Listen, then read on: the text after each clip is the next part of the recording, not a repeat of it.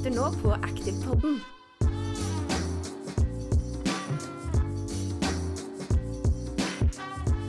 Hallo, alle sammen, og velkommen til en ny episode av Aktivpodden. Jeg føler egentlig det er sånn jeg starter hver eneste episode. Eh, men eh, jeg syns det har funka bra, i hvert fall. Jeg håper dere som hører på, syns det er en grei start også. Eh, vi har som vanlig med oss en gjest i dag. Og den gjesten her er jo ikke en, eh, en fremmed person, eller uh, har en fremmed stemme for deg som hører på heller. Uh, vi har jo med Ingvild Frivold. Yes. Stemmer. Så Ingvild er med, uh, og i dag så skal vi jo snakke litt nærmere om hypertrofitrening. Og hva er hypertrofitrening? Jo, altså hvordan vi kan bygge og få større muskler. Det er dagens, dagens tema. Ja, så vi skal bl.a. touche innom uh, hvilke øvelser bør man velge, hvor tungt bør man gå, hvor mange repetisjoner er anbefalt, hva med hviledager, kosthold. Hva skal egentlig til da for å få de resultatene man ønsker? Og um, hypertrofitrening er jo i stor grad ikke bestemt, men det har jo noen retningslinjer eh, for å kunne få til å oppnå muskelvekst best, på en best mulig måte.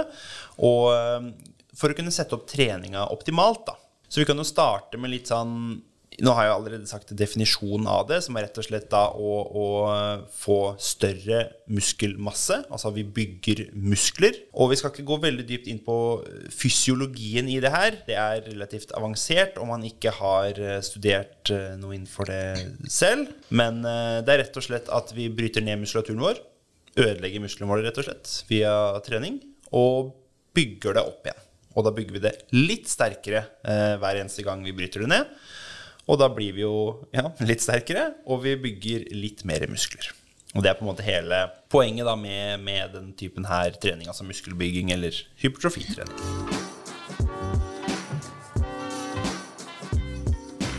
Og det lurer jeg litt på før vi går litt dypere inn på anbefalte repetisjoner og motstand og øvelser og den, eh, den slags. Hva er egentlig hypertrofitrening for deg, Ingvild? Er det noe du driver med på en eh, hverdagslig basis? Det har blitt det mer i den siste tiden. Jeg har jo, som kanskje dere har hørt i tidligere episoder, drevet og konkurrert i crossfit. Eh, Så der har det jo vært mye mer sånn prestasjonsfokus og Kanskje ikke akkurat eh, stå på gymmet for å, å bulke, på en måte, eh, men jobbe spesifikt med øvelser og øke kapasiteten innenfor de ulike øvelsene. Men i den siste tiden hvor eh, jeg ikke har trent så målretta mot å konkurrere, så har jeg hatt litt mer variasjon hvor jeg også er en del ba- bare på vanlig treningssenter og rett og slett gjør god gammeldags styrketrening. Syns det kan være ganske deilig å bare slippe å ha det så Eller det kan jo bli vondt, da, men eh, liksom jobbe med en øvelse, ta en liten pause. Ja. Så nå trener du for å ha det behagelig. Ja, så det, det, er, det er målet mitt nå. Nei, men det er liksom eh, Jeg syns det er en fin følelse. Det er liksom deilig å, å kjenne at det også kan gi fine resultater, og at man kan føle seg vel av det, da. Mm, ja, helt enig. Eh, For min egen del Nå om dagen går det en god del i løping. Men jeg prøver å vedlikeholde da, da styrken min ved siden av, siden det er viktig ja, for å for det første unngå skader og opprettholde den muskelmassen jeg har eh, bygd meg opp gjennom alle de åra med kjempetung trening. Neida. Svær. Yes, så akkurat nå prøver jeg å trene litt tungt, eh, og da går vi over på en annen kategori som vi ikke skal ha så mye fokus på i dag, som er eh, maksimal styrketrening. Altså vi trener på en del tyngre vekter enn hypertrofi. Eh, men jeg har også flere økter der jeg ligger da innenfor det hypertrofisiktet med tanke på sett, repetisjoner, motstand eh, etc. Og det er en veldig enkel måte, da, føler jeg, å, å dra på treningssenteret og, og gjennomføre den typen trening. Da det på en måte Du ligger på en vekt som ikke er altfor tung. Så det ikke, Du skal ikke forstå meg feil, det er fortsatt tungt. Men på en måte du har alltid kontroll da når du gjennomfører hypertrofitrening. Og det er jo en veldig viktig faktor som alle bør ha når de skal sette i gang med styrketrening, eller rett og slett sette opp et program. At det ikke skal være for tungt. Men da er jeg jo litt spent, da, fordi du sitter jo på en måte med den øverste kunnskapen her. Hva er på en måte definisjonen av tungt, eller hvor tungt bør man gå når det er snakk om hypertrofi? Og hvor mange repetisjoner bør man egentlig ta?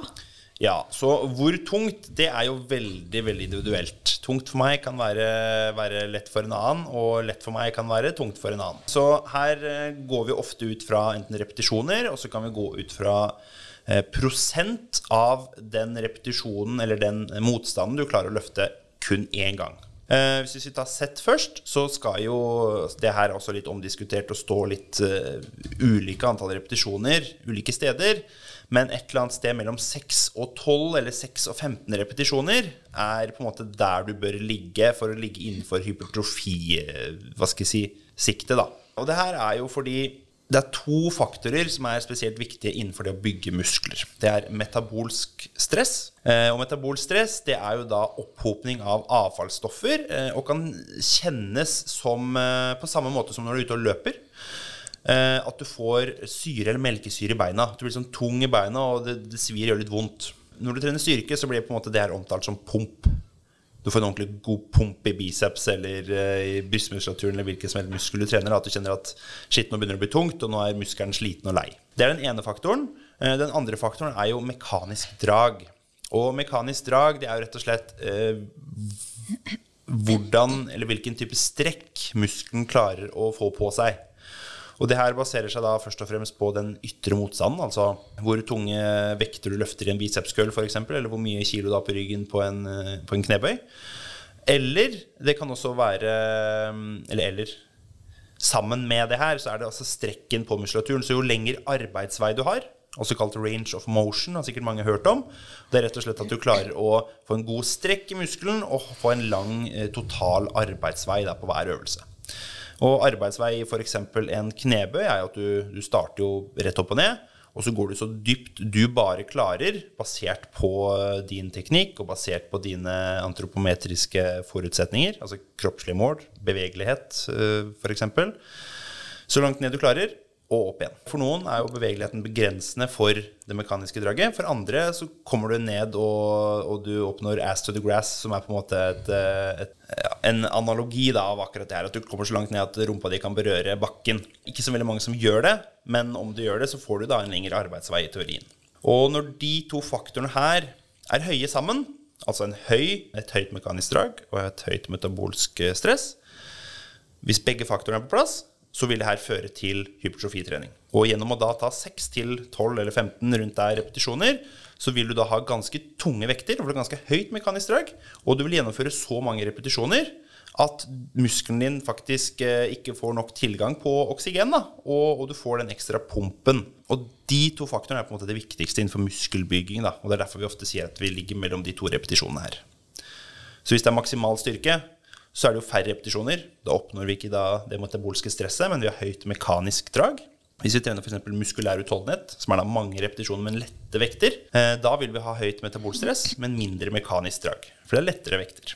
Så det her er på en måte da det man bør ta hensyn til når man setter opp hypertrofitreninga, At den ligger innenfor det.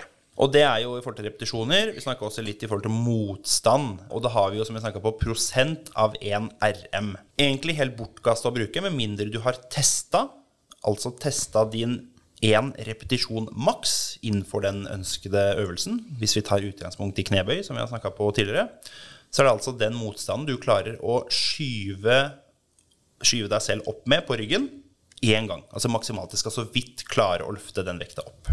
Når man har testa sin én repetisjon maks, så kan man eh, ved hjelp av ulike kalkulatorer beregne Si det er 100 kg jeg har på ryggen. Så vil jo da eh, prosenten for en person som er vi kan ta utrent først, vil ligge på ca. 60-80% 80% vil da tilsvare 80 kg. 60% vil tilsvare 60 kg. Hvis det er 100 som er maks. Så det vil jo si da at man skal gjennomføre mellom 6 til 12 repetisjoner da, på 80 kg for å oppnå muskelvekst. Ja, mellom 60 til 80. Men minimum eh, 60% av din NRM er på en måte sett på som hypertrofitrening. Da. Mm. Så det er helt riktig. Eh, og da var det veldig mye snakk på akkurat det med repetisjoner og prosent og hele pakka, som kan være litt forvirrende. Men en fin måte å sette opp treninger på er å tenke hvor mange repetisjoner i reserve du skal ha. For deg som kanskje ønsker å komme i gang, da, bygge litt muskler og ikke føle deg helt kompetent i forhold til teknikk og sånn på øvelser, så kan det være veldig fint å, i stedet for å oppgi motstand i prosent når du lager din egen plan, eller får andre til å sette opp planen og du ikke har testa, bruk to eller tre repetisjoner i reserve som en sikkerhet. Og det betyr at hvis du tar ti repetisjoner, så skal du klare 12-13 repetisjoner.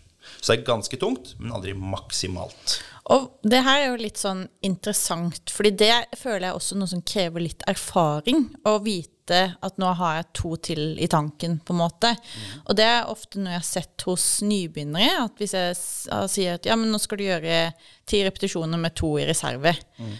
Så når de definerer og sier ja, men eh, jeg har to i reserve nå, har gjort ti repetisjoner, så ser jeg jo ofte at de har gått altfor lett at du ser jo at Men du er jo ikke sliten, eller du har mye mer å gå på.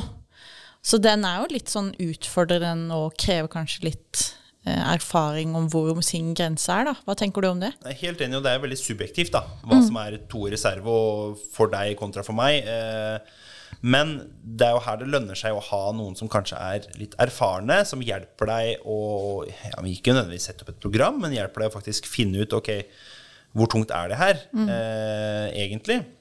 Og jeg har jo hatt flere kunder som, eh, som vi har satt opp på en viss kilo når vi prøver oss frem, og har sagt at det var ca. to reserve. Og jeg ser jo det er jo ikke det. Mm. Så sier jeg ok, men eh, selv om du kanskje føler det er to reserve, så har du mye mer å gå på. Så vi prøver oss nå på neste sett, og så bygger vi oss opp og opp og opp til du faktisk oppnår den to i reserve-følelsen. Og den, igjen, en subjektiv følelse. Ikke så veldig lett å, å forstå og kjenne på i starten for en, eh, en nybegynner. Eh, og Derfor krever det som du sier, erfaring eller da hjelp fra en person som, eh, som har litt mer kunnskap innenfor det her. da. Men så er det jo litt sånn interessant igjen, for jeg har tidligere hatt treningsprogram selv og har operert mye med repetisjon og reserve. Og har jo ofte, eller av og til, gått på den blemmen at jeg plutselig får null repetisjoner i reserve. Hva, hva, kan være konsekvensen av det? At jeg akkurat klarte den siste repetisjonen, hadde ikke klart noen flere. Hva er konsekvensen av det? Egentlig ingenting. Altså du får jo da, om du tar maksimalt et sett eller to sett før du justerer, så vil du da ha et høyere metabolstress, som er på en måte det vi sikter etter. Men hvis du skal trene til failure da hver eneste gang, hvert eneste sett, så er det ikke sikkert du får til det antallet repetisjonene du skal ha hver gang. Og det er veldig ubehagelig eh, å trene til failure hver eneste gang for de som ikke er så erfarne. Mm. Så derfor er det en fin huskeregel å ligge på mellom 6 til 12 basert på, på, på, ditt nivå, da. Men så er det jo litt sånn eh, morsomt å tenke på, fordi man blir ofte veldig opphengt i disse tallene, da. Og tenker ja, men nå skal jeg gjøre ti repetisjoner, det er jo en sånn klassiker. Mm. Fire, fire sett, ti repetisjoner, f.eks. Så glemmer man litt det at ja, men musklene våre kan jo ikke telle. Altså De vet jo ikke om vi har gjort ni eller elleve repetisjoner. Så hvis du da kommer til ti repetisjoner og kjenner at men dette er ikke to repetisjoner i reserve, jeg burde gjøre elleve eller tolv, mm da gjør du jo det for å få det utbyttet som du ønsker, da. Så jeg tror det er litt, sånn litt viktig at man ikke blir for opphengt i det x antall repetisjoner man har satt opp for seg selv, da. Absolutt ikke. Og det er en fin huskeregel. ikke sant? Tallet ti. Det er et rundt mm. tall. Det er kjempefint uh, fint tall. Men om det er sju eh, eller om det er ni, har ikke det så mye å si, så lenge det er rundt om det siktet. da. Tilnærmet utmattelse. Tilnærmet utmattelse, men ikke helt. Ja. Ikke noe feil å gå til utmattelse heller, men for å faktisk ha kvalitet på resten av økta og ikke være helt utslitt i den øvelsen, så kan det være lurt å holde, seg, holde litt igjen, i hvert fall. Ok, men Spennende. Nå har vi på en måte fått eh, kartlagt hvor mange repetisjoner som er gunstig for muskelvekst. Men hva med sett? Hva sier eh, teorien der? Ja, så serier per øvelse er også noe variert basert på om du har trent eller utrent. Men eh, en, en fin huskeregel her er jo at eller fin huskeregel, det kan være alt fra ett til fire sett, basert på hvor godt trent du er, og basert på hvilken øvelse du gjennomfører. Så ett sett det kan jo holde for nybegynnere, som ofte kanskje skal begynne å lære seg eh, teknikk etc. Og det kan, eh, kan, holde i starten og kjøre ett sett per øvelse for rett og slett kunne få en gjennomgang av de ulike, ulike øvelsene og, og, spare litt tid. da. Eh, så hvis du har lyst til å kjøre gjennom hele kroppen og ha tre-fire øvelser per muskelgruppe, så kan det holde med ett sett. Men når det er sagt, så er det optimale å kjøre, eller optimale, eh, det som er anbefalt, da, mellom to til tre sett per øvelse. Det her er også litt basert på hvilke øvelser du tar. Hvis du skal ta en isolasjonsøvelse, som betyr at du, du tar en øvelse der det er få ledd involvert, og du prøver å isolere kun én spesifikk muskel eller en muskelgruppe for å få god kontakt med den. Da kan det fint holde med, holde med to sett, fordi det er så spesifikt på den muskelen. Men om du skal kjøre en, eh, en større øvelse, en flerleddsøvelse, eh, som f.eks. knebøy, der du har bevegelse i både kne og hofteledd, så kan det være gunstig å kjøre opptil fire sett, for det er såpass mange og store muskler som er med. Og da kan du også tillate deg å kjøre som sagt, flere sett for å få eh, litt mer eh, hva skal jeg si, trøkk da, eh, på alle musklene som, som er involvert. Ja, og så er det jo store muskler og store muskelgrupper som kanskje tåler litt mer enn en veldig liten spesifikk muskel som eh, blir fort gående, da. Ja, så det er jo akkurat det, det her da. Hvis du f.eks. står og tar bicepskøl, enten om det er med manualer, eller i et apparat, eller med vektstang, så er jo det her en isolert øvelse. Hvis du da kun beveger på albueleddet. Og da trenger du ikke kjempemye vekt. Og du trenger heller ikke ta kjempemange sett, fordi det er kun den ene muskelen. Og den ene muskelen har jo på en måte en, en, en begrensning på hvor mye kraft den kan utvikle når den ene alene. Trener du f.eks. bein, da, eller, eller kjernemuskulatur, så er jo det muskelgrupper som er veldig mye aktive gjennom hele dagen. Altså du går, du løper, du går i trapper gjennom en dag, som gjør at musklene i beina dine hele tiden er aktive. Så for de så vil det kreve litt ekstra kontra å trene en, en bicepskøl, for det er ikke ofte du driver og løfter bicepskøl i løpet av dagen, med mindre det er jobben din. Så da vil det kreve litt ekstra å trene de musklene som faktisk er mer aktive enn visse andre, da. Som f.eks. kjernen din er jo med på å stabilisere ryggsøylen din og overkroppen din gjennom hele dagen. Mens du går, mens du sitter, mens du løfter opp ting. Uansett hva du gjør, så er den med. Derfor kreves det også litt ekstra. Så der kan du f.eks. kjøre en, en, noen flere øvelser, eller kjøre noen, noen flere sett. Så kanskje tre til fire sett på de store øvelsene og de muskelgruppene som er mye aktive i løpet av en dag. Og så kan du kjøre litt mindre sett på de musklene som ikke er like aktive, f.eks. Og da kommer vi på en måte litt tilbake til det her med hvor ofte bør man trene hver muskelgruppe for å få på en måte optimal muskelvekst? Mm. For nå har vi jo sett på at ok, mellom 6 til 12-15 repetisjoner ser ut til å være det mest gunstige, og rundt 2-3 sett, 3-4 avhengig av muskelgruppe. Mm. Men hvor ofte bør man egentlig trene de? Holder liksom én gang i uka, eller må man på gymmet seks dager i uka for å få stor biceps eller sixpack? Det kan absolutt holde dem én gang i uka, eh, men da for litt mer utrente personer, eh, for litt mer erfarne og litt mer trente personer, så vet vi at du vil jo ha litt mindre fremgang på trening, og det vil jo kreve mer av deg for å faktisk opprettholde og, og få en progresjon da, i treninga. Så alt mellom én til eh, fire ganger i uka er uh, anbefalt uh, å trene. Tenkte du da hver muskelgruppe, eller tenkte du generelt? Nei, ja, da, tenkte jeg hver muskelgruppe. Så hvis du tenker liksom bein, da. Hvor ofte bør man trene bein på en måte for at det skal være optimalt? Så da har du ikke sant, den regelen én til fire eller én til eh, fem ganger i uka, opp til det også på bein, da, som du bruker så mye. Så, men en fin splitt der det er jo den push-pull-legs. Ja. For da får du fordelt det ganske godt utover uka. Så du f.eks. trener push, altså øvelser for fremside overkropp, eller for ja, rett og slett øvelser der du dytter, dytter foran deg. Ja. Og så har du pull-øvelser på tirsdag. Det er øvelser der du trekker mot deg. Og så har du da bein på onsdag, f.eks., som da er egentlig alt mulig innenfor bein. Om det er å trekke beina til eller skyve beina fra deg, har ikke så mye å si. Og så begynner du på nytt igjen da, på torsdag med igjen en push. Eh, og så har du fredag en pull og lørdag en legs, og så eventuelt en hviledag. Mm. For da får du jo trent, eh, trent alle muskelgruppene her to ganger, to ganger i hvert fall per mm. uke der. Så det er en veldig fin split som har vist seg å funke ganske godt for mange. For da får også muskler nok restitusjonstid imellom. Ja, for det her er jo et veldig viktig aspekt ved muskelvekst. Det er jo den her hvilebiten. Fordi som du nevnte innledningsvis, altså når vi trener, så skaper vi jo et metabolsk stress i kroppen. Vi bryter ned cellene og alt med.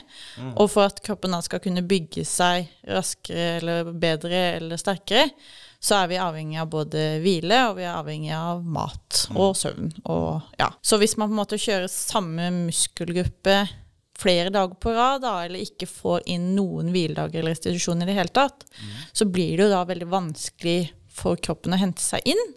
Som kan da føre til en negativ spiral. Kanskje du ikke får det utbyttet du ønsker. Kanskje du presterer dårlig på trening, og så kan du jo potensielt skape skader på tid. da. Så det er på en måte en faktor som er også veldig viktig å ta i betraktning. Og det er litt sånn klassiker når man er ny i idrett og kanskje ønsker å gå litt inn for å bli sterk eller bygge muskelvekst, så tenker man at ja, men jeg må trene. Jo mer, jo bedre. Hver dag helst. Og så glemmer man liksom viktigheten av, av hvile og restitusjon, da. Så Du kan jo egentlig trene hver dag, men da må du jo da eh, ha en annen splitt eller en Ja. annen variasjon i treninga enn push pull legs f.eks. Men da får du jo trent hver dag da også. Du kan trene søndag om du tar en løpetur f.eks. Men da kan du f.eks. dele opp i ok, eh, fremside mm, Eller jeg tar eh, bryst og biceps mandag. Jeg tar eh, rygg og triceps tirsdag. Jeg tar bein på onsdag. Jeg tar kjernemuskulatur på torsdag. Og så begynner du på nytt igjen. Så da får du på en måte trent hver dag hvis det, hvis det, er, det er ønskelig. da Men spørsmålet er altså hvor mange restitusjonsdager trenger jeg? ja. Og det her er det jo i utgangspunktet ikke en sånn 100% fasit på. Siden det er veldig individuelt hvordan kroppen responderer på trening, og hvordan vi får i oss eh, både næring i etterkant, og hvordan, ja, som du sier, søvn er og sånn. Altså hvor mange hviledager, så antallet, det kan variere, men alt fra én, basert på hvor tung økta var, til tre til fire dager eh, hvis du har trent veldig tungt og hardt og lenge. Ja, for her er det jo viktig å tenke på, på den totale stressbelastningen som kroppen utsettes for. Og da snakker man jo ikke bare om trening, men vi snakker om alt ifra jobb og skole og alle de andre ytre faktorene som også påvirker din evne til å restituere. Da. Så for eksempel for en idrettsutøver da, som trener på høyt nivå, og som kanskje ofte kjører to økter om dagen, de har jo gjerne ikke så mye annet ytre stress enn selve treningen. Det er jobben deres, og det er det de retter alt fokus på. Og så er de ofte flinke på det med kosthold og søvn og på en måte struktur på hviledager. Da. Og da kan man kanskje tillate seg å ha hyppigere økter med, ja, som bryter kroppen ned, men så går det fint fordi totalen blir ganske bra, da. Så det er på en måte Ja, det blir jo veldig individuelt. Men jeg tenker ja, det viktigste er jo å finne ut hva som man responderer best på selv, da.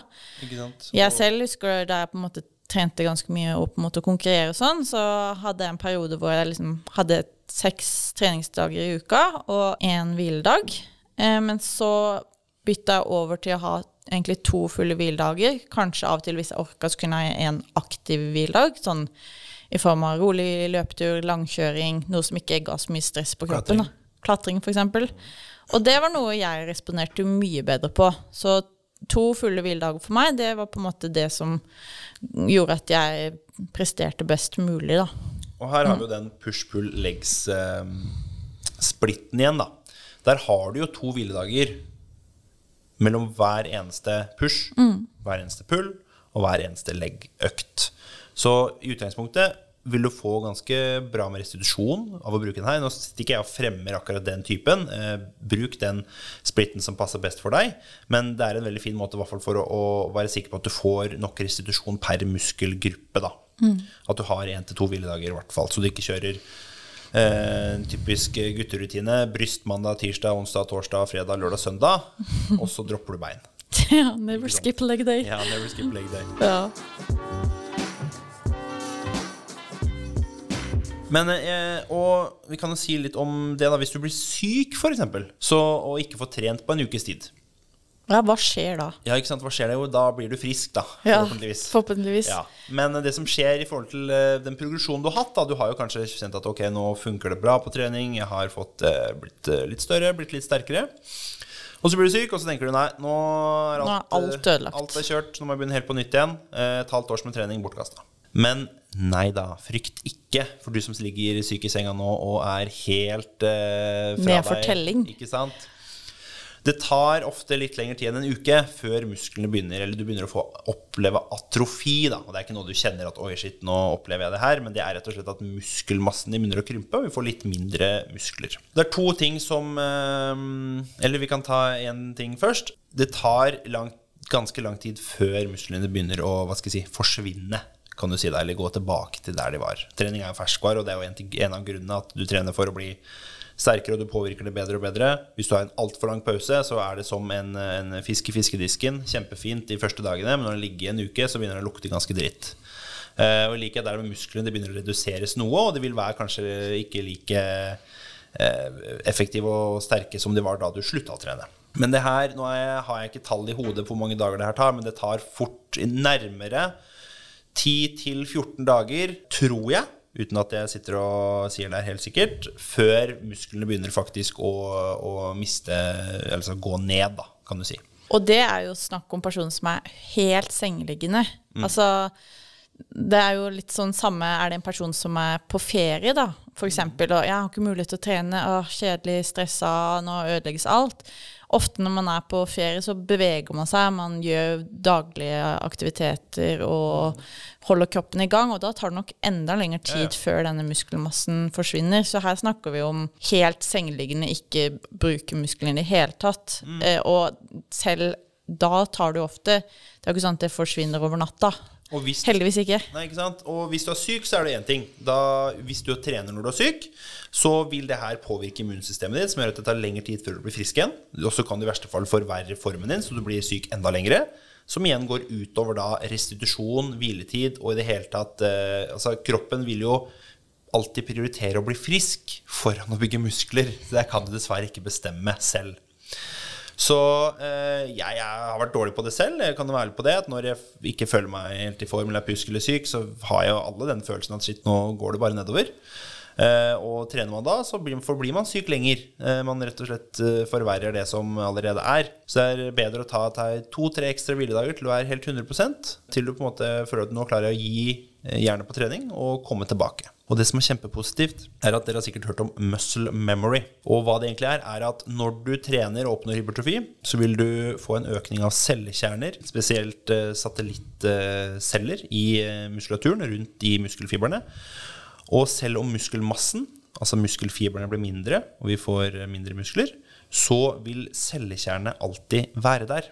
Det betyr at de har jo huska på hvor du har vært i forhold til styrke og i forhold til muskelmasse. Så det vil gå mye fortere å bygge seg opp igjen der du var, enn det det var før du kom dit første gang. Det er faktisk veldig gode nyheter. Så jeg tenker jo, ja, som du sier, hvis du er syk nå, eller har stressa med det tidligere, eller plutselig ikke får trent på noen dager, så har ikke det noen ting å si. Det er ubetydelig egentlig i det store bildet, da. Selv om du føler deg litt sånn Ja, og det er jo naturlig å føle seg litt dvask. Og kanskje at den der eksplosive følelsen man hadde, føles ut som den er borte litt, men så tar det to-tre økter, og så er du tilbake igjen der du var også. Så ikke stress med det, hvertfall. hvert Sånn er det med alt. Altså, hvis du har hatt ferie fra jobb i to uker og kommer tilbake, Litt så blir det litt sånn Ja, åh, hva er det jeg egentlig driver med nå? Ja. Og så kommer du tilbake i jobb, og så går alt inn i rutinen igjen, og så er det som før. Ja. Så jeg tror det er en sånn bekymring som vi bare må legge fra oss, og heller tenke ok, kroppen min er sliten, da må jeg heller fokusere på ekstra næring og hvile og væskeinntak, og så kommer treninga tilbake igjen. Kan ikke du fortelle litt mer om akkurat det, Ingvild? For det har jo du litt eh, mer eh, spesifikk kunnskap på enn meg, da. Eh, hypertrofi. Hva Ja. man må spise for å kunne bygge de svære musklene man ønsker å få? Det er jo ja, et godt uh, spørsmål. Uh, her er det igjen at det avhenger veldig av persons utgangspunkt. Uh, vi ser jo for personer som er relativt utrente, så kan du fint oppnå en ganske god økning i muskelmasse, og til og med ligge i både underskudd og vedlikehold i energibalanse. Eh, Men er det personer som allerede har kommet til et visst nivå, så ser man jo det at det mest optimale for å oppnå muskelvekst er å ligge i et lite kalorioverskudd. Slik at måte kroppen har litt ekstra energi til å bruke til disse muskelbyggende prosessene. da. Vil ikke det være bulking? Jo, det er jo på en måte bulking per definisjon, men som vi snakka om i forrige podkastepisode, så trenger jo ikke bulking å bety at du ligger i 1000 kalorier overskudd, men kanskje 200-300 kalorier utover det du vanligvis pleier å innta.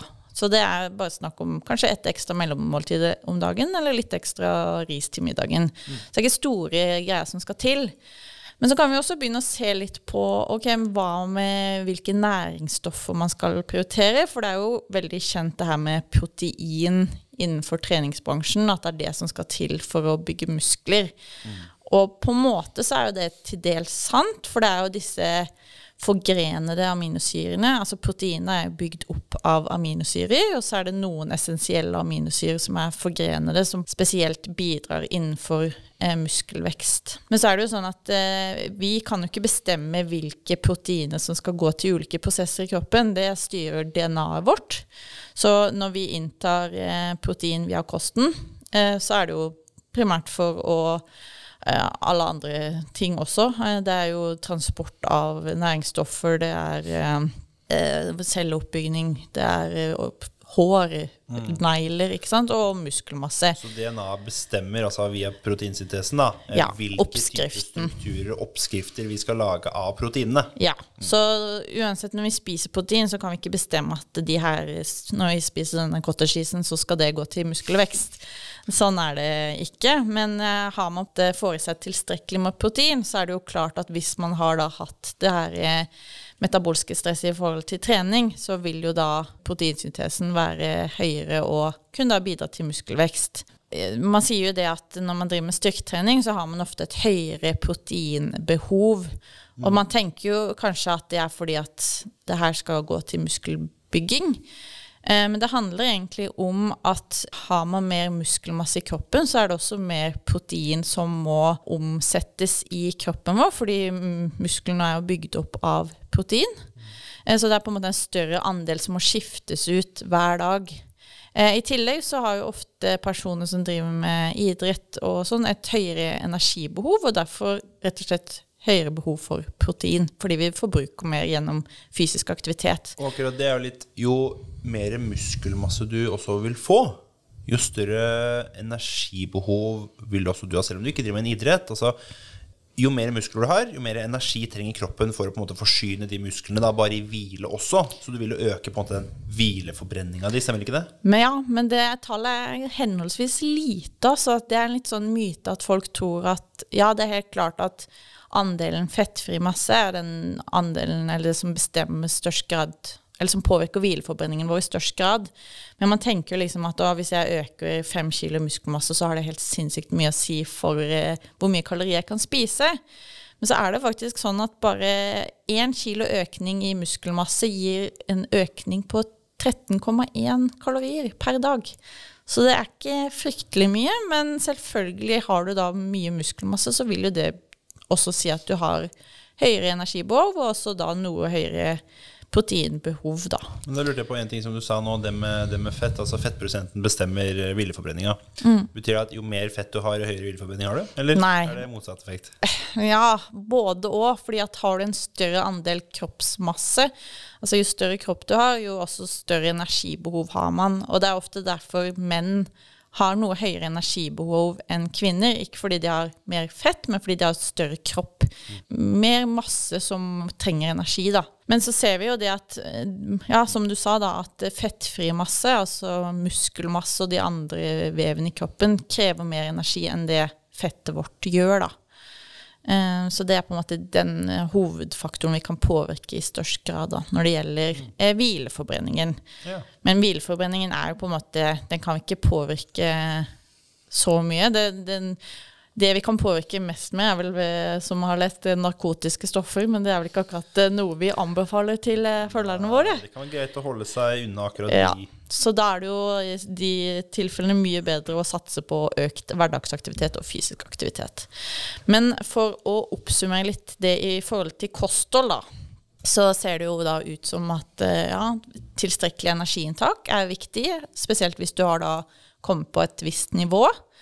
Og selvfølgelig passe på at man har nok eh, protein i kostholdet sitt. Og da sier man gjerne at for idrettsutøvere så er det anbefalt da mellom ja, la oss si 1,8 til 2 gram per kilo kroppsvekt. Så vi sier da at hvis du er en person som veier 70 kilo, da, så kan du sikte deg på rundt 140 gram protein per dag. For en som trener mye? For en som trener mye, ja. Så for en eh, for mannen i gata, da? For mannen i gata, ifølge Verdens helseorganisasjon, så trenger du egentlig bare 0,8 gram per kilo kroppsvekt per dag for at alle systemer og funksjoner skal gå rundt. Men når du begynner å trene, så får du, har du jo mer behov, så da Ja. øker det noe, eller? Men eh, det øker noe, ja. Det gjør det. Men eh, ifølge anbefalingen da, så er det rundt 15% av det totale dagsinntaket ditt som skal komme fra protein. Så det er ikke sånn fryktelig mye. Så i den grad så er det jo faktisk karbohydrater som kan være mer gunstig å fokusere på. Eh, Det avhenger jo litt av type idrett man holder på med, men det å ha fulle glykogenlagre er eh, forbundet med økt prestasjon. Og full glykogen er jo kroppens lagringsform for karbohydrater. Så det er egentlig et rent eh, energilager. Eh, og det er på en måte mm, denne energien kroppen foretrekker å bruke først under fysisk aktivitet. Så har vi fulle lagre, så kan det gi en følelse at vi kanskje presterer litt bedre, klarer å ta en ekstra repetisjon, eh, føler oss litt mer eksplosive osv. enn om vi ikke har fulle lagre. Så, og så er jo selvfølgelig fett er viktig av alle grunner for normal funksjon i kroppen, men har ikke så mye betydning eh, på prestasjon der. Så det er primært tre ting du kan tenke på hvis du vil optimalisere kostholdet opp mot hypotrofi. hypertrofi. Da er det tilstrekkelig energiinntak og protein og karbohydrater. Og så kan vi også se på det her med kreatin, eh, som vi har snakka om i tidligere episoder, At det også kan være gunstig for å kanskje klare den ene repetisjonen ekstra, som kan være da gunstig for å skape et større eh, metabolsk drag.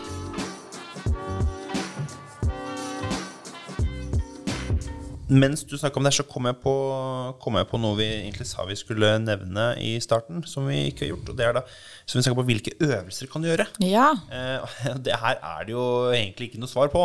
Altså alle øvelser, så lenge du har det innenfor da, hypertrofirammene, vil føre til at du oppnår hypertrofi i den muskelgruppen eller eh, den muskelen du spesifikt trener på.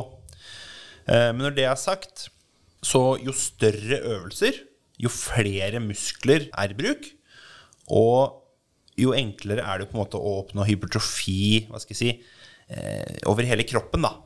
Så Du tar benkpress, så er det ikke kun bryst som er med. Du har skuldre, du har armer, du har kjernemuskulaturen som er med for å ha et spenn. Eh, du trekker skulderbladet bak for å ligge bra på benken, så du har egentlig en stor del av overkroppen. Altså rett og slett så sparer man egentlig litt tid, da. Fordi man kjører mange øvelser samtidig. Ja, og hvis du vil ha større biceps, så ja, da kan du ta bicepskøll. Eh, hvis du vil ha større triceps, kan du ta eh, triceps, pushdown, franskpress etc. Men de musklene blir jo også trent om man tar f.eks. en push-dag. Om du tar benkpress, pushups, brystpress, hva som helst, så er jo triceps mye med når du skyver ting fra deg. Og motsatt er jo biceps med når du trekker ting til deg. Så hvis du på en måte, ja, som sagt, ikke, kanskje ikke har tiden til å være eh, en time eller mer på trening, så er det bedre å kjøre store eh, flerleddsøvelser, så det blir mer effektivt. Eh, men igjen, hvis målet ditt er å få kjempestore biceps, så må du selvfølgelig trene Ja, biceps spesifikt. spesifikt. Så det, igjen, det spesifisitetsprinsippet, hvis vi skal trekke ned. Skal du bli god på noe, må du trene på det. Enkelt og greit. Enkelt og greit.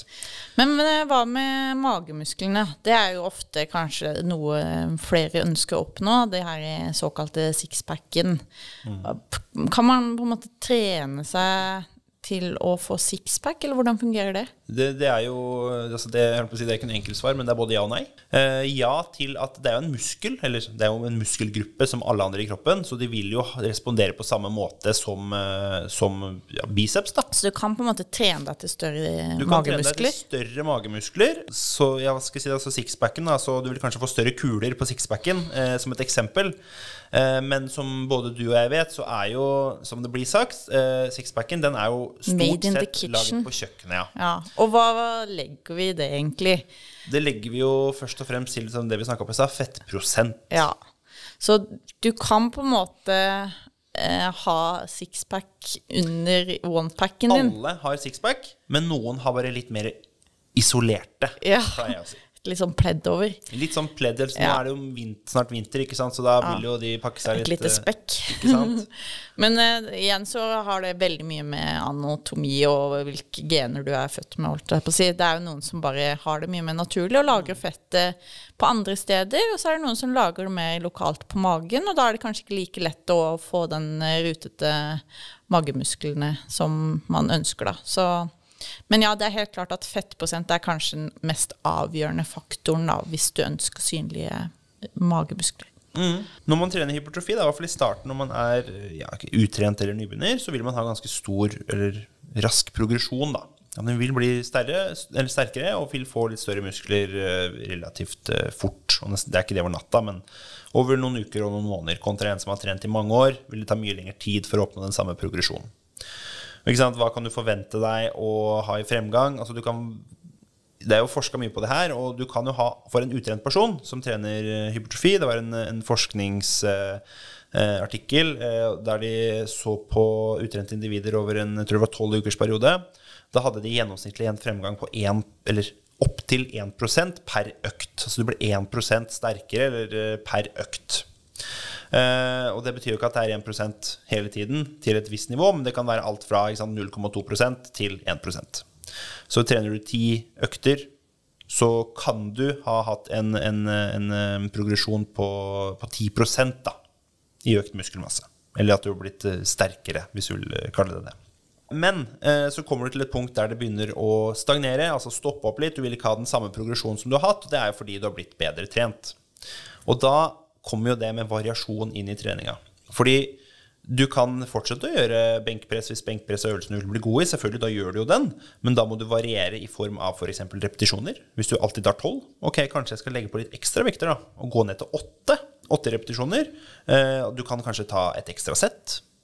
Du kan eh, ja, som sagt, opp og ned på motstand. Eller så kan du prøve å droppe benkpress for eh, en eller to uker. Og så kan du trene andre øvelser på bryst som kanskje bidrar til at de hjelpemusklene, som er også er med under en benkpress, hvis igjen det er målet, blir stimulert på en annen måte enn ved benkpress. Og det her vil jo kunne føre til progresjon igjen, og kanskje enda lenger, mer fremgang enn det du hadde før det stoppa litt opp. da. Og du behøver jo ikke å variere hver eneste økt, hver eneste uke eller hver eneste måned. Nei, for det her er jo litt sånn typisk Jeg ofte ser eh, mange nybegynnere at de tror de må variere hele tiden. Men hva, hva er på en måte det mest gunstige her? Eller hvor lenge kan man holde på med et program med de samme øvelsene? I utgangspunktet kan du holde på hele livet, Hele for så vidt. Eh, Men igjen, ikke sant, variasjon i motstand. Altså Du kan gjøre den samme øvelsen, bare gjøre det tyngre og tyngre. Eh, Kanskje du tar eh, flere sett, som du sier, eller som jeg sier. Eller eh, færre eller mer repetisjoner. Men igjen, det stimuliet. Når kroppen blir vant til noe, det har vi jo merka det også, når, vi blir vant til noe, så er ting lettere, og da må vi pushe på litt ekstra. Så da kan vi gjøre andre øvelser som, som trener de samme muskelgruppene, bare på en litt annen måte, for å på en måte stimulere de litt mer, så vi oppnår eh, noe nytt. Og, og ja, som det ofte blir kalt, at du sjokkerer muskelen litt. Muskelen skvetter til. Ok, det stimuliet her har jeg ikke kjent før.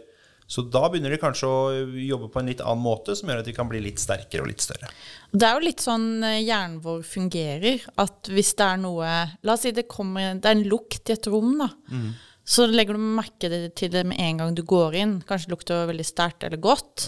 Og så etter hvert så, så legger du ikke merke til lukten lenger, selv om den fortsatt er der. Og det er bare fordi hjernen vår på en måte hele tida søker etter noe nytt, noe nytt stimuli, og på en måte setter ting ja, litt på vent. Da gidder ikke å bruke energi på det når den har blitt vant til det. Og det er på en måte litt samme innenfor Syketrening da. Nå er den blitt vant til den belastningen og antall repetisjoner og øvelsen. Da kan det være fint med noe nytt stimuli, da, så kroppen oppdager Oi, her må vi jobbe igjen. Dette var noe nytt. Dette må jeg bli sterkere på.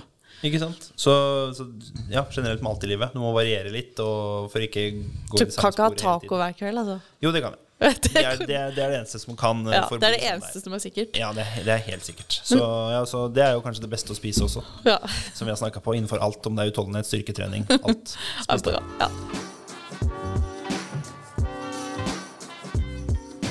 Men jeg har et spørsmål som, eh, Fordi man kan ikke ha muskelvekst i det uendelige. Altså, hvis det hadde vært mulig, så hadde vi jo sett eh, giganter der ute som ikke kom seg inn gjennom dørene. Og, har vi begrensning? Når er det det stopper? Og hvordan vet man at man har nådd sitt fulle potensial? Ja, man har en begrensning. Det er veldig individuelt, det her også. ikke sant? Noen kan, eh, kan respondere bra, ha utvikling over lang, lang, lang tid. Men når det kommer til et kall det platå da, på muskelvekst Og det her er jo, har jeg ikke noe godt svar på når du vet. Eh, fordi musklene, muskelvekst er at den blir større. Men du kan også trene muskelen for at den skal bli sterkere. Og når du har på en måte laget den basen at nå begynner det å stoppe opp litt på muskelvekst, så går du over til det å trene maksimal styrke. Og når du trener maksimal styrke, så trener du på enda færre repetisjoner. Da er det ofte maksimalt seks, kanskje maks åtte repetisjoner på veldig veldig tung, tung vekt. Eh, da har du ofte bare én repetisjon i reserve, og så kanskje ingen. da. Så hvis du tar, tar benkpress fem ganger fire sett, da, så tar du fem repetisjoner, og du så vidt klarer å løfte opp den siste hver eneste gang.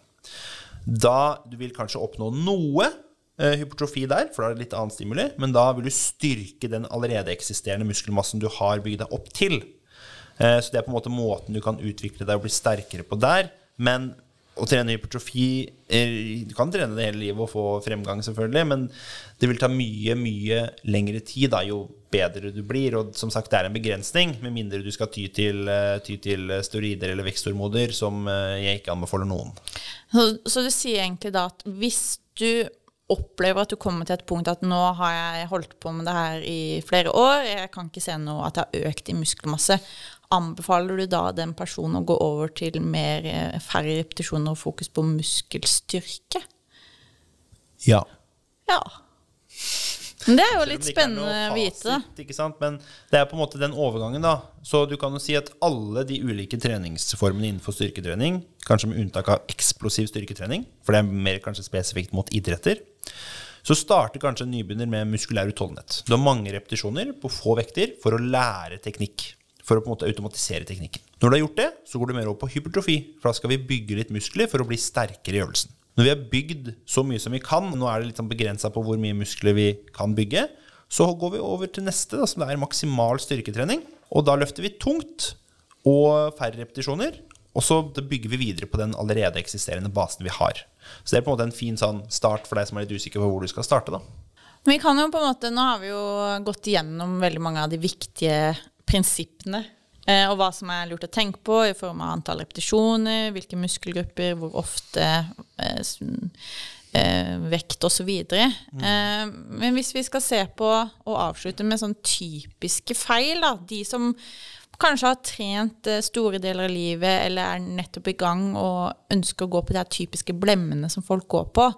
De som eh, trener mye, men kanskje ikke oppnår muskelvekst. Hva er det de gjør feil? Enten så sover du for lite. Du har for få eh, restitusjonstimer eller dager mellom øktene. Spiser for lite protein. Som du sier, det er jo byggesteinet. Eller generelt du spiser for lite, så du rett og slett ikke har noen effekt i det hele tatt.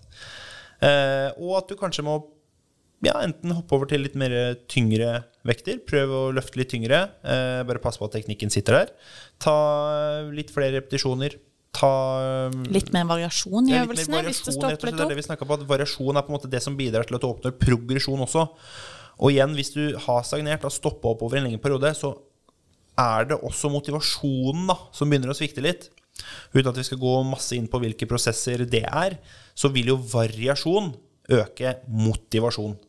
Og der er det jo i alt som skjer i hverdagen. Hvis du har en veldig ensidig jobb og gjør det samme hele tiden, så vil det bli litt sånn demotiverende etter hvert. Og hvis du da har noen varierte arbeidsdager innimellom og Oi, nå skal jeg ut og gjøre det, nå skal jeg dra dit og, og ordne det. Da blir det mer variasjon, i likhet med trening også. Nå gjør jeg den øvelsen, nå tar jeg litt mer repetisjoner eller litt flere sett eller motstand her.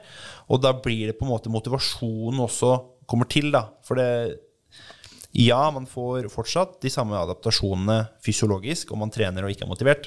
Men å være motivert, da kan du kanskje yte litt mer. Kanskje du klarer å løfte litt mer kilo, f.eks., enn mm. om du ikke er det. Ja, men Spennende. Så Det er liksom noen ting som er, kan være greit å være litt bevisst på når man er ny, da, eller hvis man mm. føler har stoppa litt opp. Så da tenker jeg vi kanskje kan avslutte med en sånn kort oppsummering av de hovedtingene som er viktig å tenke på ved muskelvekst, eller da hypertrofi. Mm. Og hvis jeg husker alt vi har vært gjennom, så er det jo da mellom 6 til 12 slash 15 repetisjoner. Jep. Eh, to til tre sett. Eventuelt tre til fire hvis det er en større eller flerleddsøvelse. Stor muskelgruppe. Riktig. Vi snakker om at vi må ha nok restitusjon mellom de gangene muskelgruppene har blitt brukt, men kanskje to Ja. ganger per uke per muskelgruppe. Så Ja. ønsker du å bli, få muskelvekst i beina, så kan du kanskje trene to ganger i uka, eller to til tre ganger i uka. Mm. Og så er det jo eh, hvile nok, sove nok. Drikke nok, eh, spise nok. Spise nok, drikke nok, ja.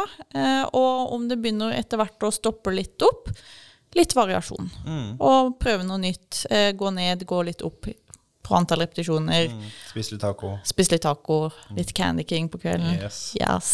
Eller ta deg en, en uke ferie Ja. Uten dårlig samvittighet. Og du kan også bli syk uten at alt går rett i dass. Helt riktig. Så det tenker jeg Da har dere mange gode nøkkelpunkter nå. Mm. Eh, så er det bare å gønne på på trening. Og det her ble jo litt mer faglig podkast enn noen av de andre vi har snakka på, men vi håper det er veldig lærerikt eh, for dere som har uh, satt av tida og hører på den podkasten her. Og at jeg kanskje nå forstår litt mer hvorfor står det fire sett ti repetisjoner i programmet mitt. Nå vet dere litt hvorfor, og årsaken til det. Og kanskje det gir en ekstra motivasjon til å pushe litt mer på trening neste gang. Og med det så eh, har i hvert fall jeg hatt myndigere nok den podkasten her. Så takker jeg, takker jeg for meg. Ja, det var bra. Bra, Ole Jørgen. Mm, Flink. Jo, Takk. takk du også, Ingvild. Takk, takk, takk. Så til neste gang så får dere trene masse hypertrofi, og så snakkes vi. Det gjør vi. Ha det fint. Ha det bra.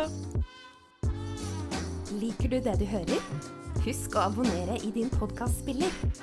Vi setter stor pris på at du gir oss en rating og deler episoden med en venn.